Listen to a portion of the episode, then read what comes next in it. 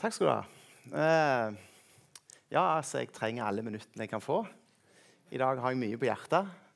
Eh, jeg skal dele noen sannheter, men òg en del konkrete tips.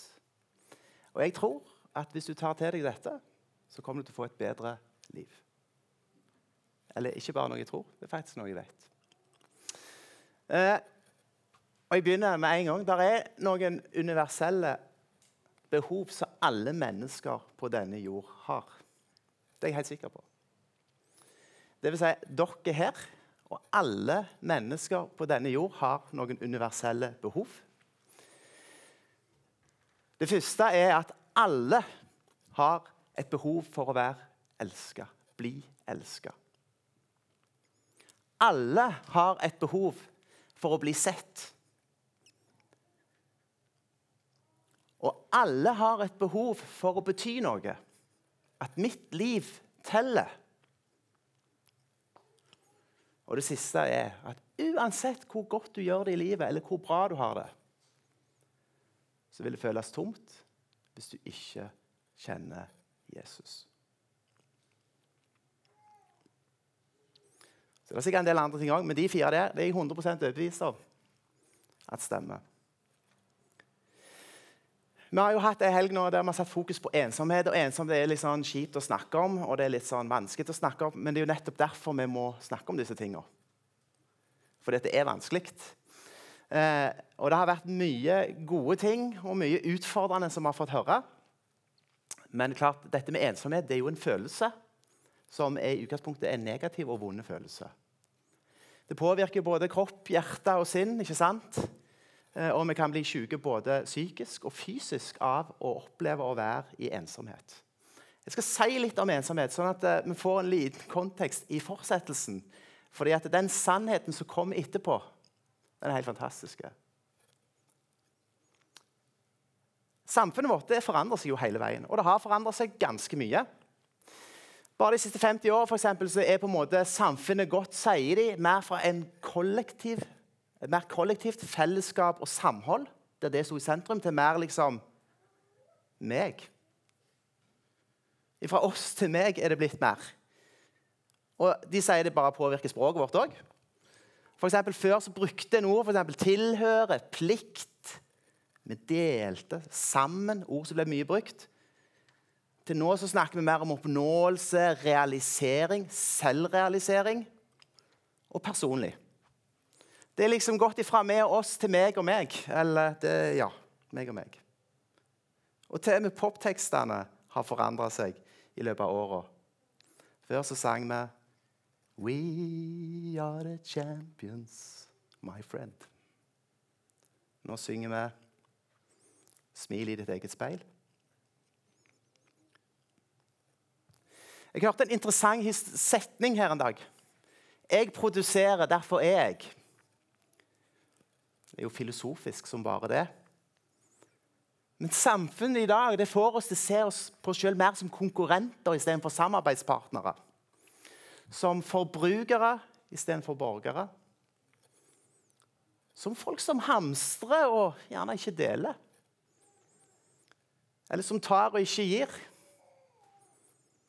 Og vi tenker på oss sjøl, gjerne ikke så flinke til å hjelpe andre eller som har det for travelt til å være der for naboene som vi faktisk ikke engang vet hva heter. Og så lar vi det skje kollektivt. Det er en veldig alvorlig start, dette her. For det er jo faktisk sånn at når alt til enhver tid er en konkurranse, så vil det alltid være noen som ikke vinner. Og blant noen av de som kjenner mest på denne konkurransen, jeg har bare lyst til å løfte frem det i dag, det er ungdommene våre. Det viser seg jo på statistikker at det er økning av ensomhet i vårt samfunn i dag. Og stor grad av den økningen skyldes ungdommene våre. Eh, og Jeg skal ikke bruke mye tid på statistikker, det har vi gjort hele helga. Men jeg snakker om unge mennesker som har livet foran seg. Kjenner på ensomhet. 30% av jenter fra, alderen, altså fra 8. klasse til 3. videregående føler seg mye plaga av å være ensomme. 30% En, fem, en fjerdedel, en femtedel, 16-17% av alle unge gutter rapporterer om det samme. Jeg syns det er ganske alvorlig. Det er jo litt trist. Og Når de rapporterer i undersøkelser hva de kjenner på, så bruker de ord som tomhet, trist, meningsløshet.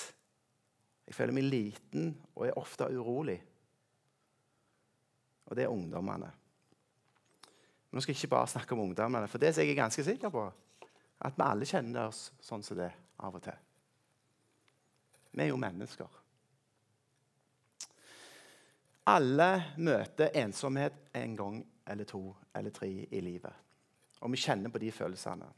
Og ensomhet er ikke noe vi først og fremst velger. Det er noe som skjer oss.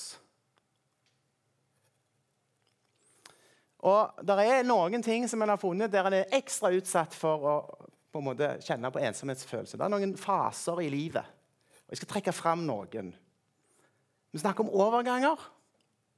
Da er en ekstra utsatt. Når vi skifter fra barnehage til skole, fra skole til militæret, eller fra militæret til studieliv, eller vi flytter fra den ene heimen sant, til den andre. Vi får nye jobber. Overgang i livet da er vi ekstra utsatt for å kjenne på at det er gjerne ikke så mange rundt oss som det burde vært. Andre utsatte livssituasjoner det er hvis en gjennomgår separasjon. Skilsmisse og separasjon det kan være da er en ekstra utsatt for, for dette med ensomhetsfølelse. Og jeg tror òg folk som er syke, kjenner ekstra på det, spesielt hvis ingen besøker dem. Så kan det oppleves veldig vondt. Og så vet jeg òg at folk som går med mye kroniske smerter, går med betennelse i kroppen hele veien og kjenner at ting alltid er vondt, men det er liksom absolutt ingen som forstår meg egentlig. Over tid kan det være ganske ensomt og vondt. Så må jeg bare ta frem denne her også, for Statistikk sier jo egentlig at uh, de fleste av dere som er kvinner her inne, kommer til å leve lenger enn din egen ektefelle. Kanskje det er noe du bør tenke på og gjerne forberede deg på. For det er faktisk Ja, det kan skje. Jeg er òg ekstra utsatt for å møte ensomhet i livet hvis en møter motstand. Hvis du føler at alle sammen er imot deg ja. Enten det er på skolen, eller det er på jobben, eller faktisk i menigheten. Det kan være fryktelig ensomt, og det kan skje. Du kan òg føle deg oppleve ensomhet hvis du blir avvist og kjenner at eh, noen svikter deg eller stiller ikke opp, eller de forlater deg. Eller hvis du blir dumpa av kjæresten. Eller venner slutter å være venner. og Du kjenner at du nå er liksom ikke med i den sirkelen lenger som de eller jeg var jo, eller hva var jeg egentlig? Og Så er det de som opplever å miste jobb, eller de som opplever ikke få jobb. Hvem er jeg da?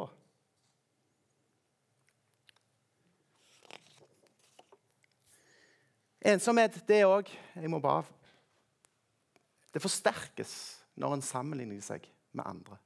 Det forsterkes når en sammenligner seg med andre. Det er bevist at uh, sosiale medier i større mengder det er en ren kilde til ensomhetsfølelse. Og Grunnen til det er rett og slett fordi vi sammenligner oss for mye på sosiale medier mot urealistiske livsforventninger og livssituasjoner. Det stemmer ikke. Så det er helt forska på, bevist, at det ikke er bra hvis en holder på med for mye å være på sosiale medier. Så hvis en har det bedre, så kutt ut det. Jeg skal bare si litt om covid. Vi lærte ganske mange nye ord. Vi lærte lockdown, karantene, kohort. Jeg hadde ante ikke hva kohort var for noen år siden. Eller kohort. Isolasjon.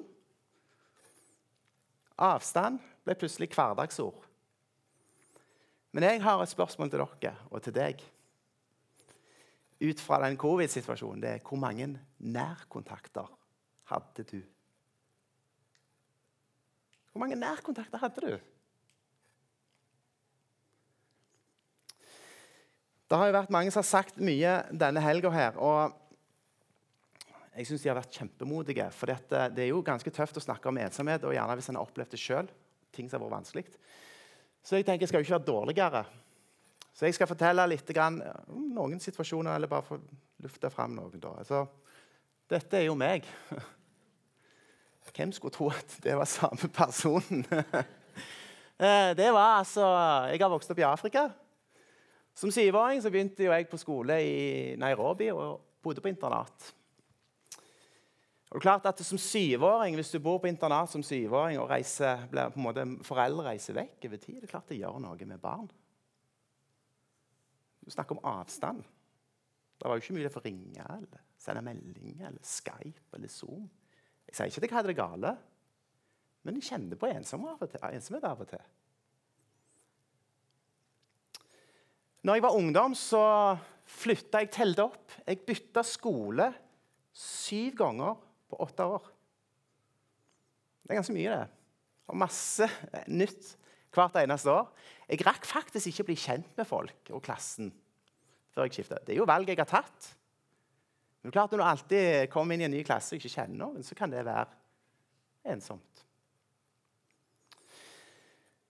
Eh, en annen, Det er kanskje ikke da jeg har kjent mest på ensomhet. og det jeg skal si nå, det er faktisk kanskje litt jeg vet ikke om jeg tør å si. Jo, jeg sier det. De gangene, den gangen jeg, kanskje de gangene jeg har følt meg mest ensom i mitt liv, det var da jeg jobbet som ungdomsleder i en menighet i Stavanger. Det var ingenting galt med menigheten. Men jeg hadde sett for meg i mitt hode da jeg var ung, at eh, jeg alltid skulle være sterk. Jeg skulle liksom aldri vise svakhet. Og så ser jeg jo i ettertid at eh, oi, det er ikke meninga at en ung ungdomsleder skal klare alt sjøl. Å holde seg oppe sjøl. Sånn at det er mange, mange måter ensomheten måte finner vei inn i våre liv. Og jeg tenker at ingen er immune mot ensomhet.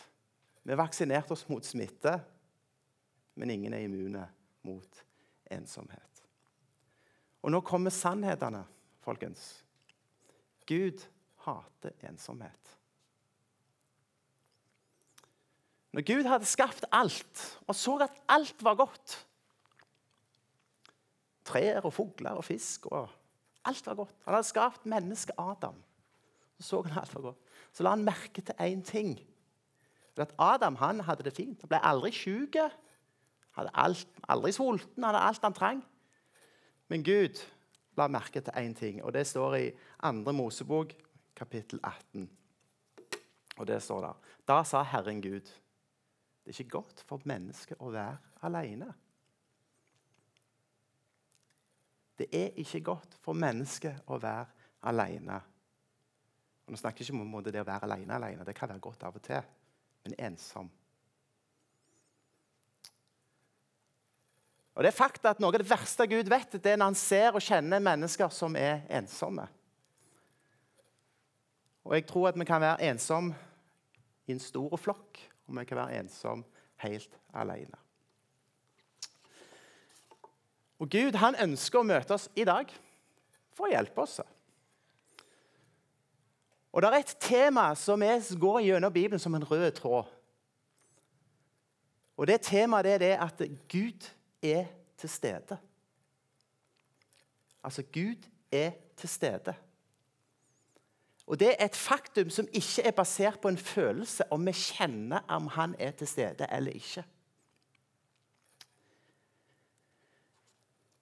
I Hebreerbrevet 13,5 står det For Gud har sagt, 'Jeg svikter deg ikke, og jeg forlater deg ikke'.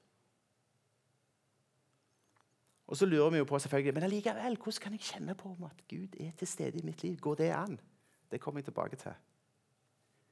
Men jeg tror at mye av dette handler litt om hvordan vi ser på Gud. Og hva gudsbilde vi har rundt Gud. Jeg tror noen ser på Gud som en sånn snill Gud som bryr seg om jeg, hvem jeg er og hvordan jeg har det og er opptatt. Det tror jeg noen tenker på. Men jeg tror òg at noen tenker at Gud er altså, at vi er liksom litt redd for å være til bry for Gud. Vi tenker at vi må i hvert fall ikke sløse med hans tid, for han har det ganske travelt med å styre denne verden. Jeg tror faktisk òg at noen er litt på flukt fra Gud. De er litt usikre på hva de skal tenke. Er han farlig? Er han streng? Jeg tror noen ser på Gud som et mysterium. Litt vanskelig å forstå seg på. Jeg tror noen er sinte på Gud. Tenker at Gud ikke bryr seg om meg. Og så tror jeg rett og slett noen ikke tenker på Gud i det hele tatt. Og tenker dette forholder jeg meg ikke til. OK, jeg eh, trenger litt hjelp ifra dere. Hvis dere er med på en greie. Dere må hjelpe meg med den her. Nå skal jeg nevne noen navn. For jeg tror at det å ha et navn det kan gi mange assosiasjoner. Eh, og Nå skal jeg si et navn, og så uten å tenke og la filter gå gjennom, så skal dere bare si med en gang hva dere tenker når jeg sier det navnet. Er dere med? Kjell Inge Røkke. Rik, ikke sant? OK.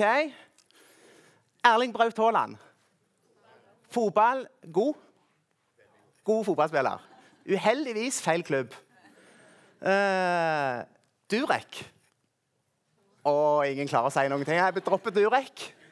Uh, Jon Almås. Humor, morsom. OK? Mikke Mus. Koselig. Glad. OK? Eh, OK, jeg skal ta et siste. Men nå, dere, må, nå, må dere tenke to sekunder før dere sier noe. Er dere klare? Svigermor. Tenk to sekunder! tenk to sekunder. Ikke si noe. Ok, Jeg må bare si at jeg har en fantastisk svigermor. Hun er glad i meg, og jeg er glad i hun, og når hun er streng med meg, så er det fordi hun er glad i meg. Uh, hun er morsom og herlig, og vi deler felles hobbyer og interesser. så det må bare få sagt det. Men poenget mitt er at vi tenker forskjellig om navn. Og Gud har gitt oss over 100 navn i Bibelen for å beskrive seg sjøl. Og hvorfor har Gud gjort det? Jo, fordi han vil at vi skal få lov til å se hvem han er, og kjenne han. Og Jeg skal ta fram ett navn i dag som er nevnt i Bibelen. Eh, og Det er et navn som jeg er ikke så veldig god på hebraisk, men det heter Jehova Shama. Det er sikkert noen som kan rette meg på dette. her. Men det betyr at Gud er til stede. Jehova Shama. Gud er til stede. Og vi vet at Når vi kommer til jul, så vil vi høre et annet navn som heter Emanuel. Gud er med oss. Og Jesus han kalte seg for den gode hyrde. Og en hyrde vet vi jo passer på flokken sin. Så det er liksom en rød tråd som går gjennom Bibelen, som på en måte er at Gud er til stede. Han er nær. Og Jesus lovte òg se jeg er med dere, sa han, alle dager. Og så er det jo sånn med Gud at Han har en egenskap at han kan være overalt. Han er ikke bonden av rom, sted og tid. Og det er ingen plasser hvor, Gud, eller hvor vi kan gå hvor Gud ikke er. I Salme 139 så står det Hvor skulle jeg gå fra din pust? Hvor kunne jeg flykte fra ditt ansikt? Stiger jeg opp til himmelen, så er du der. Legger jeg meg i dødsriket, så er du der. Tar jeg soloppgangens vinger og slår meg ned der havet ender, da fører din hånd meg også der. Og din høyre hånd holder meg fast. Gud er overalt, enten vi føler det eller ei. Og den plassen Gud aller mest ønsker å være, det er med deg og hos deg. Så det er fakta. Det er en sannhet. I Jesaja så står det 'Frykt ikke, for jeg er med deg', sier Gud. Vær ikke redd, for jeg er din Gud. Jeg gjør deg sterk, sier Gud, og jeg hjelper deg. Og jeg skal holde deg oppe med min hånd. Jeg gjør deg sterk, og jeg hjelper deg, og jeg skal holde deg oppe. Det er jo mange som spør hvor er liksom Gud når jeg har det vondt. Gud er rett med deg. Han er rett på sida av deg, rett til stede. Se på dette.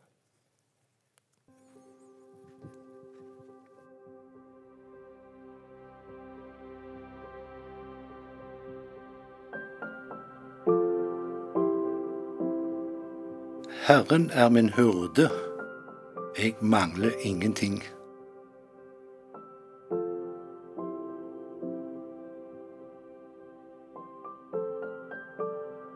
Han lar meg ligge i grønne enger. Han leder meg til vann der jeg finner hvile. Han gir meg nytt liv.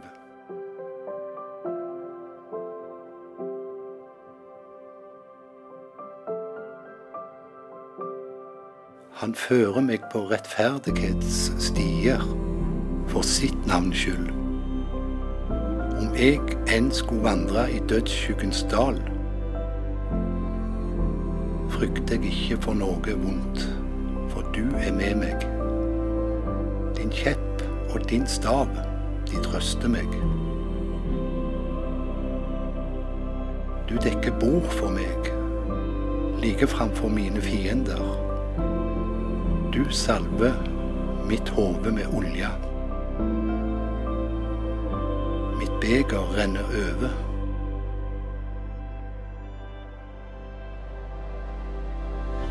Bare godhet og miskunn skal fylle meg alle mine dager.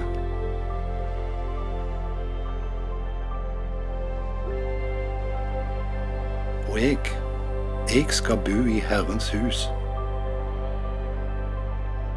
gjennom alle tider.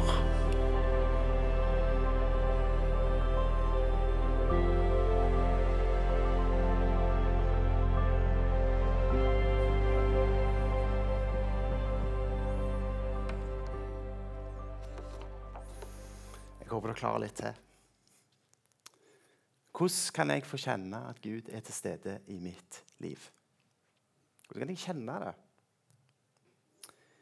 Det er mange som beskriver ensomhet som på en måte en følelse av å være usynlig.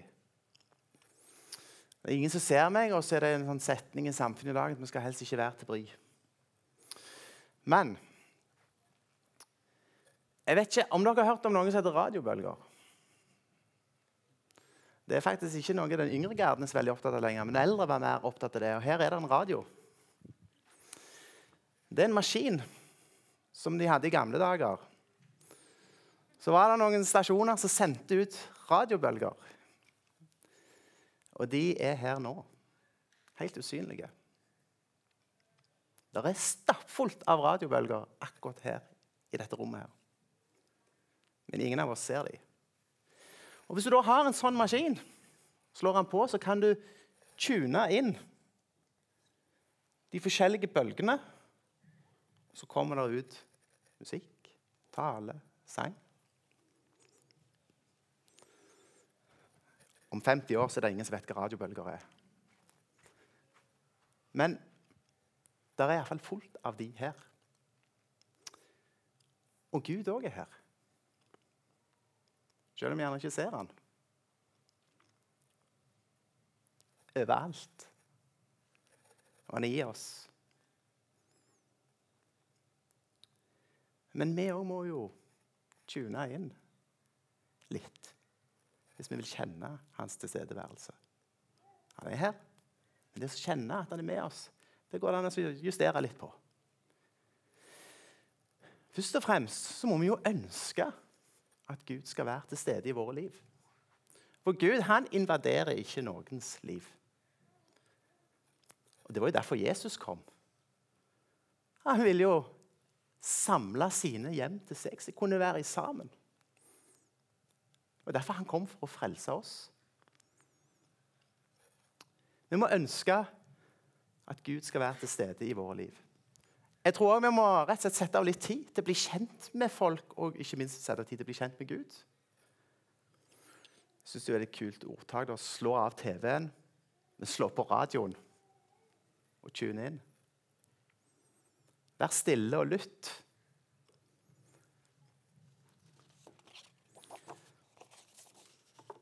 Og så Gud han har gitt oss en familie og et hjem her på denne jord. Det er ikke alle som har familie her. Men Gud har gitt oss en, jord, altså en himmelsk familie her på denne jord. Der alle som ønsker, er velkomne. I Salme 68 står det Gud i sin hellige bolig er farløses far og enkers forsvarer. Gud lar ensomme finne et hjem. En av hensiktene som Gud har gitt Misjonssalen, det er at vi skal være et sted å tilhøre, står der. Det kunne gjerne heller stått et fellesskap å tilhøre. Så da, hvem, hvem er dette fellesskapet her for? Er det bare for de som får det til? Er det kun de perfekte? Nei, det kan det ikke være, for da hadde jo ingen av oss vært her. Er det kun for folk som er gifte? Eller kun de som har unger og familie? Eller kun de som har betalt eh, medlemskontingenten, som får lov til å være her? Nei, det er for alle. Og så vet jeg bare, hvis du, er, hvis du er ny her, så må jeg bare si at du, av og til så må en ta det første steget sjøl og melde seg på. Men da skal vi være med å ta resten av stegene. Etterpå ja, så skal det være ute med informasjon, så kan en få lov til å melde seg på smågruppefellesskap. For dere som ikke er med på det. Da møtes en i heimene, der en deler liv, ord og tro og tanker og ting en kjenner på, i et trygt fellesskap. Så det kommer litt informasjon om det, Men hvis du ønsker, så ta et steg. Skriv deg opp, og så vil vi ta kontakt. Det er òg anledning her i misjonssalen hvis en har behov for å snakke med folk. Jeg kan snakke både med pastor, og det er grupper og mennesker som er gode å snakke med, som en kan få lov til å dele og få litt hjelp av. Gud har gitt oss et fellesskap her på denne jord. Jeg er øyestraks ferdig. Men jeg er litt der at vi kan høre mange fine ord og høre viktige sannheter. Men jeg vil si dere noen tips. Eh, fordi at eh, Disse tipsene her, de tror jeg vi alle kjenner oss igjen i. Dette med å kjenne Gud og være til stede.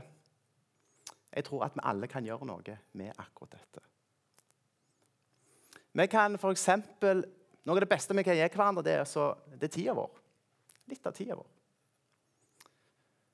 Spis middag sammen.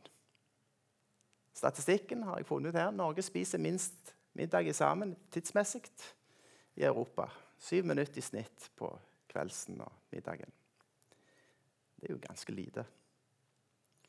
Besøk hverandre. Inviter hverandre. 221 ganger sjekker vi telefonen hver dag. Og vi bruker i snitt 3 timer og 15 minutter på denne saken her. For den er så viktig. Jeg bare tuller. Men det stemmer med 3 timer og 15 minutter i gjennomsnitt. Det gjelder alle aldre, både voksne og ungdom. Og Over halvdelen av Norges befolkning melder og sier at de føler seg avhengige av telefonen. Og det er et problem at vi er avhengige av telefon og skjerm. Det er et problem. Fordi vi sover mindre, vi beveger oss mindre, og vi nedprioriterer det som heter sosial kontakt med andre. Og Jeg skulle gjerne ønske nå at jeg kunne trykt opp et nytt bibelvers der det sto et eller annet om mobiltelefon. F.eks. at vi bør kutte tida ned tida vi bruker på telefon. Eller kanskje vi skulle hatt et ellevte bud. Du skal ikke bruke telefonen mer enn strengt tatt nødvendig. For Du lurer gjerne på hvorfor jeg her, står jeg her på søndags formiddag og snakker om mobiltelefonen. Og hva har liksom dette med Gud å gjøre? Og så står det ikke om mobiltelefonen i Bibelen. Men jeg tror det å være til stede er Guds verdi. Det å være til stede det er en verdi som Gud ønsker at vi òg skal ha. Det Gud er opptatt av, det skal vi være opptatt av. Og hvordan kan vi være til stede når vi er så opptatt av å være connecta med alt og alle de som er inni den skjermen der? Vi er så opptatt av å være connecta med hele verden inni der. Men i grunnen hele verden er rett foran oss. Tror dere han? Dette gjelder like mye meg sjøl. Jeg er ikke noen sånn antiteknolog på ingen måte. Det er vanskelig. Jeg må gjerne gjøre noen grep for akkurat det. Uh, jeg har et sånt grep. Eh, nå selger de mobiltelefonfengsel på Internett. 79 kroner. Så den kan en ha hjemme. Så kan en liksom låse inn telefonen når en f.eks. skal spise middag. Eller andre ganger når en skal ta en drøs med ektefellen sin eller ungene sine. Eller. Hører, hva drømmer har du nå?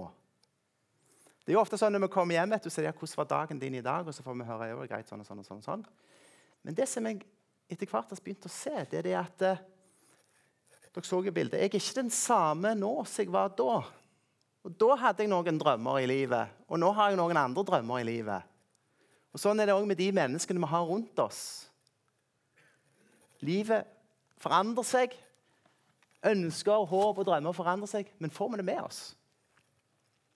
Dere som besteforeldre, vet dere hva barnebarn drømmer om? Eller tar vi oss tid til å spørre venninner eller barn Ja, de rundt oss om Hva drømmer har du nå? Eller havner vi på rutinen? Jeg må bare sitere Wenche Knutson. Hun sa at kanskje vi bør skrolle mindre og skravle mer. Og Hun har jo holdt på med, hun nevnte noe om en skravlekopp. Jeg har jo en ny idé da, på et nytt patent. For jeg syns at heller det skal hete drøsekopp. Så har jeg mye greier, så jeg skal lage en drøsekopp. Men dere skjønner, dette handler jo om bevisstgjøring. At vi tenker litt igjennom hvordan hverdagen vår er. Og jeg tror at livet vårt blir bedre hvis vi klarer å ta til oss noen av disse tipsene og sannheten som jeg har presentert. Vi må slutte å sammenligne oss. Det er faktisk gift for sinnet vårt. Vi er takknemlige for det vi har fått. Og så Vær raus og engasjer deg i andres liv. Gud, jeg skal ikke gå inn på det, det er en hel preik, en annen preik. Gud har en plan for ditt liv. Og Mest sannsynlig så handler ikke den planen først og fremst om deg sjøl, men den handler om andre. Og den handler om å gi av seg og sitt. Og ikke være redd for å gjøre feil. Det ble nevnt i helga. Vi kan fort bli liksom litt redde for å involvere oss i andres liv. Og vi er jo redde for å bli avvist, det er jo én ting, det, men OK, so what?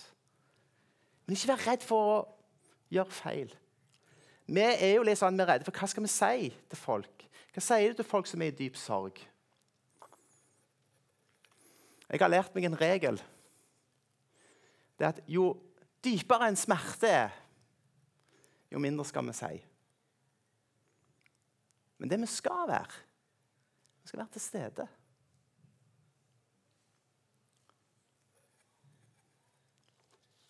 Jo dypere en smerte er, jo mindre skal vi si. Det går ganske fint når Malin kommer og har fått et skrubbsår. Da kan vi jo trøste og si masse, men dere skjønner. Jeg skal slutte nå. Det er bare én siste sannhet. Det er at Gud ser deg. Han er ikke bare til stede, men han ser deg. Han vet hvordan du har det. Det var ei kvinne i Bibelen som heter Hanna. Og Hanna hun hadde en dyp smerte i sitt liv. Hun fikk ikke barn. Og På den tida har vi jo hørt at da var det ikke greit å ikke få barn. Men vet du hva? Det er ikke noe annerledes da enn nå.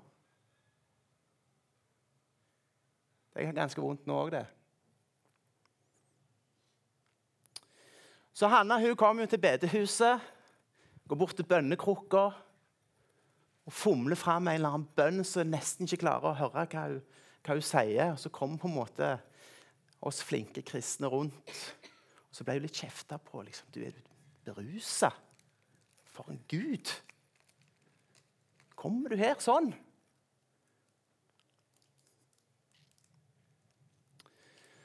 Det som er så fantastisk,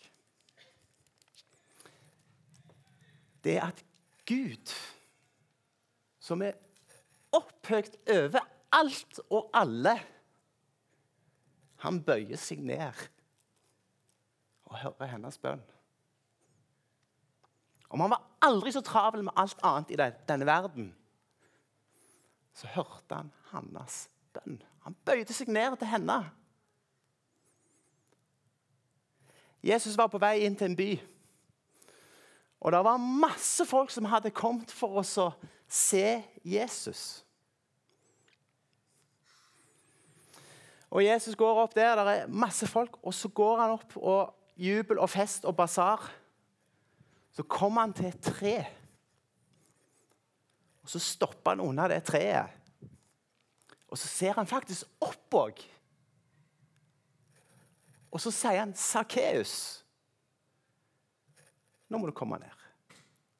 Og Sakkeus hadde det sikkert veldig greit sånn økonomisk og finansielt, men hele byen hatet han jo. Han var jo satt til å være pengeinnkrever. Og han stjal. Jeg tror faktisk Sakkeus var ganske ensom. Jeg. Så, tror, så kommer Jesus der, og så stopper altså, av, av alle han skulle stoppe hos, så stoppet han hos den som byen hater mest. Og så, jeg, jeg bare sitter for meg at okay, han sier Sakkeus, kom ned, for i dag, jeg, i dag vil jeg invitert seg inn han akkurat da. I dag vil jeg besøke deg.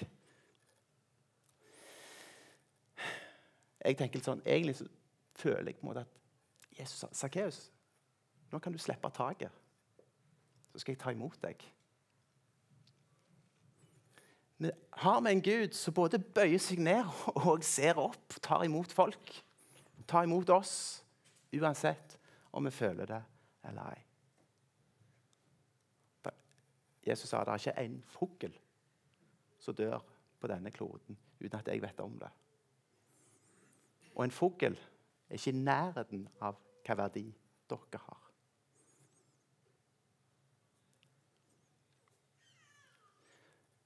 Jeg har, Der er ei her som heter Ester, som skal få lov til å avslutte nå med en sang. Hun er fra Kongo, 17 år, og er med i vårt fellesskap. Vær så god.